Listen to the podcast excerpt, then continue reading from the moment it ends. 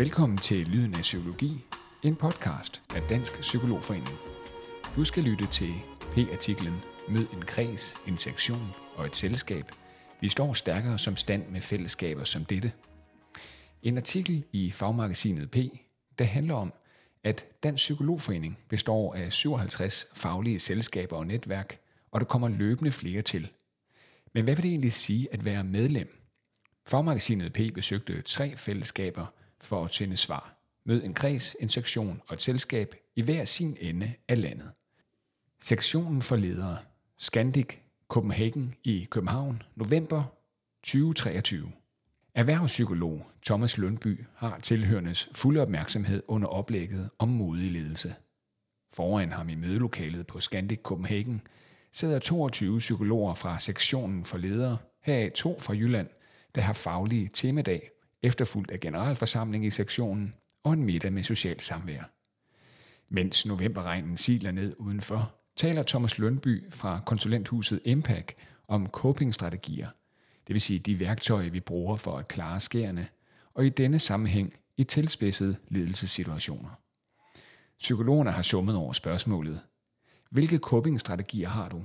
En erfaring, du gerne vil dele i plenum om modig ledelse.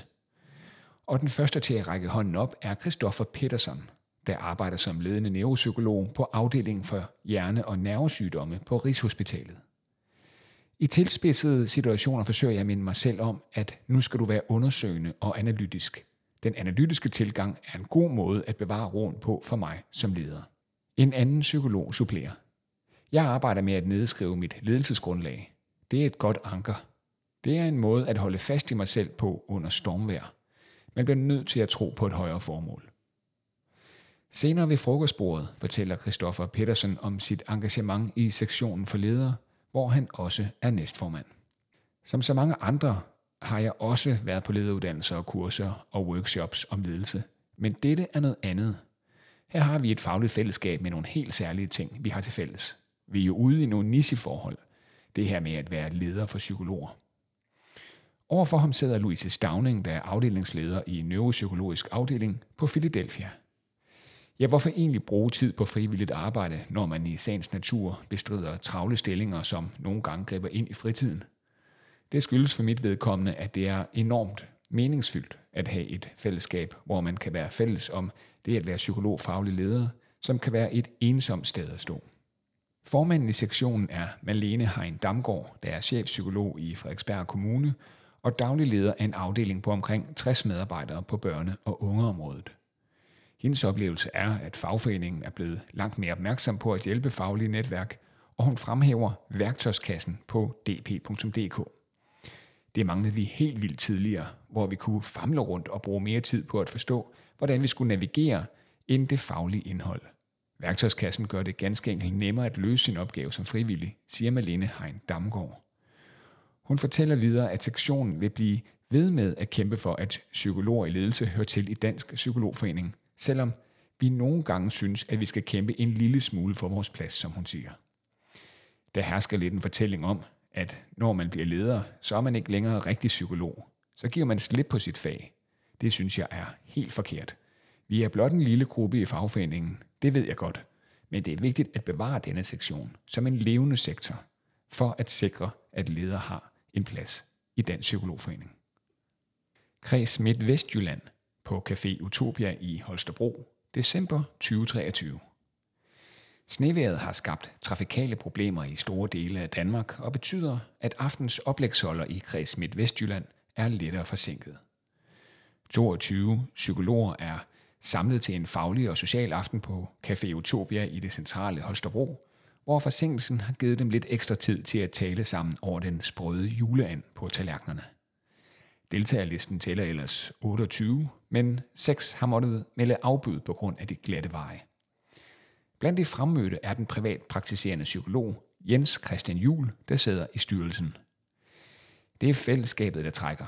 Når man er i privat praksis, så kan det godt blive lidt småt og indspist, og så er det rart at komme ud og møde sine fagfælder og samtidig have noget at mødes om. Det er lidt som at stå og sparke dæk, bare på et fagligt plan, siger Jens Christian Jul. Til venstre for ham sidder Marianne Bernstorff fra Videnscenter for Børn og Unge, som er formand i kredsen og om lidt vil byde velkommen, da Lars Bjergård, aftens oplægsholder, er nået frem. Det vi længe har kæmpet for, er at bevare kredsene, og vi oplever en anden åbenhed, efter det er blevet forperson i foreningen. Vi oplever også en anden opmærksomhed på, at vi frivillige faktisk bruger en del tid på planlægningen af en aften som denne og andre kredsmøder. Herude i Vestjylland ligger vi langt fra den psykologforening, men det faglige binder os sammen, og vi har brug for foreningens sekretariat for at kunne lave lokale ting, siger Marianne Bernstorff. Herefter rejser hun sig, byder velkommen og giver en orientering fra det seneste formandskollegiemøde. Inden Marianne Bernstorff giver ordet til Lars Bjergård, beder hun alle om på skift at præsentere sig selv med navn og arbejde. Nogle af deltagerne kommer til stort set alle kredsmøderne, mens andre siger, at det er deres første gang, og at de har glædet sig. Lars Bjergård er ansat ved Aarhus Universitetshospital og arbejder på retspsykiatrisk afdeling R i Rigskov ved Aarhus, hvor han blandt andet deltager i udførelsen af mentalobservationer og afklaring af retslig status. Hans oplæg om retspsykiatrien gør tydeligvis indtryk på tilhørende, der kommer fra andre områder inden for psykologien og løbende stiller spørgsmål til hans arbejdsområde. Jeg kunne bare ikke arbejde med det der, visker en psykolog til sidemanden, inden Lars Bjergård skifter slide til straffelovens paragraf 16 styk 1 om psykotiske lidelser. Og som der står, personer, der på gerningstidspunktet var utilregnelige på grund af en sindssygdom eller tilstande, der må lige stilles hermed, straffes ikke. Blandt tilhørende er Anna Sofie Slot, der er psykolog i børne- og familiehusene i Holstebro Kommune og er afsted med fem kolleger. For mig handler det både om at få noget fagligt fra et område, jeg ikke har praktisk kendskab til, og så er jeg her også for det kollegiale. Folk kommer for eksempel fra Tarm, Hvide Sande og Typeron, og stemningen er altid god, siger Anne-Sophie Slot, der for nogle år siden sad i styrelsen, hvor hun fik et meget værdifuldt netværk, som hun siger. Gennem arbejdet i kredsstyrelsen lærte hun flere kende fra andre områder inden for faget, blandt andre Birgitte Andersen og Lise Mørup, begge med privat praksis i dag. Jeg synes, den præsentation, vi får i dag, meget godt viser, hvor forskelligartet psykologernes faglighed er. Det er så inspirerende. Når man er privatpraktiserende, går man meget sin egen lille hule, selvom vi er en flok, der holder til i samme bygning og spiser frokost sammen hver dag, siger Birgitte Andersen. Og Lise Mørup supplerer. Vi har ikke særlig mange faglige selskaber og sektioner herude vestpå, så det er den måde, vi kan mødes på, på kryds og tværs i faget. Her møder vi gamle kolleger og danner helt nye relationer, som måske endda kan frembyde et samarbejde. Kvinderne fortæller, at samarbejdet med den psykologforening til tider har været udfordrende. Det skyldes blandt andet, fremhæver de, ekstra udgifter til transport til oplægsholdere og leje af lokaler, da afstanden til den psykologforenings gratis lokaler i både Aarhus og København i sens natur er for stor.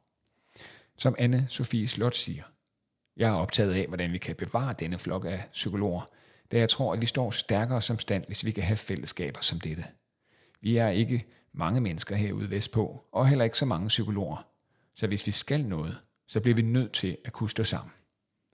Selskabet Danske Neuropsykologer på den sorte diamant i København, november 2023. Om få minutter begynder bestyrelsesmødet i Rifbjerg-lokalet på den sorte diamant i København. På væggene hænger historiske billeder af den danske forfatter med blikket rettet på rummets ovalformede bord. Her sidder syv personer fra den psykologforenings næststørste selskab med 442 medlemmer, danske neuropsykologer, og spiser morgenmad inden dagens program, der var til ud på eftermiddagen. Kort inden formand Sine Pertov Ringkøbing tager ordet, får jeg øje på en sølvpokal for enden af bordet. En kontrast til det ellers spartanske mødelokale med whiteboard, sprittusser og en stor skærm på væggen. Nå, jeg må spørge senere. Sine Pertov Ringkøbing giver en orientering fra det seneste møde i formandskollegiet, der indkaldes mindst to gange om året for at drøfte aktuelle spørgsmål og består af bestyrelsesmedlemmer fra Dansk Psykologforening, formanden for Komité for Etik og formændene for kredse, sektioner og faglige selskaber som dette. Tidligere var det jo lidt hårdt, altså samarbejdet med de tidlige bestyrelser af Dansk Psykologforening, men det er tydeligt, at den nuværende bestyrelse er interesseret i at gøre meget. Samarbejdet er godt, siger Signe Pertov Ringkøbing. Efter orienteringen fra mødet i formandskollegiet handler det om de emner, der rører sig i selskabet, og vi når vidt omkring. Momsregler, selskabets højt skattede digitale forum, ajourføring af mit DP, nyhedsbrev, DP's forskerpriser og ønsket om en mere strømlignet specialuddannelse inden for neuropsykologi som pangdang til specialpsykologuddannelsen i psykiatri. Sine Pertov Ringkøbing har været bestyrelsesmedlem i selskabet næsten lige siden hun blev uddannet på Københavns Universitet i 2015 og de seneste to år som formand.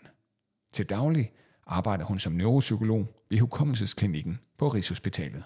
I pausen sidst på formiddagen fortæller sine Pertov Ringkøbing, hvad der motiverer hende til at bruge tid på et fagligt selskab med blandt andet online-møder, fire årlige bestyrelsesmøder og en generalforsamling, som led i et to-dages årskursus med oplægsholdere og middag. Jeg ser det som en god mulighed for at få et fagligt netværk, og i dag har vi et selskab, hvor virkelig mange kender hinanden, også på tværs af landet. Jeg tror, at mange medlemmer af selskabet kan genkende det der med, at der er en hel identitet forbundet med at være neuropsykolog, siger hun og tilføjer. Selv er jeg ikke specialist endnu, men i gang med at tage uddannelsen. Det, der fylder rigtig meget hos os lige nu, er netop vores specialistuddannelse i neuropsykologi. I overvis har der været en proces, der handler om, hvordan vi kan kvalitetssikre uddannelsen. Det er et emne, der ligger mig meget på sinde.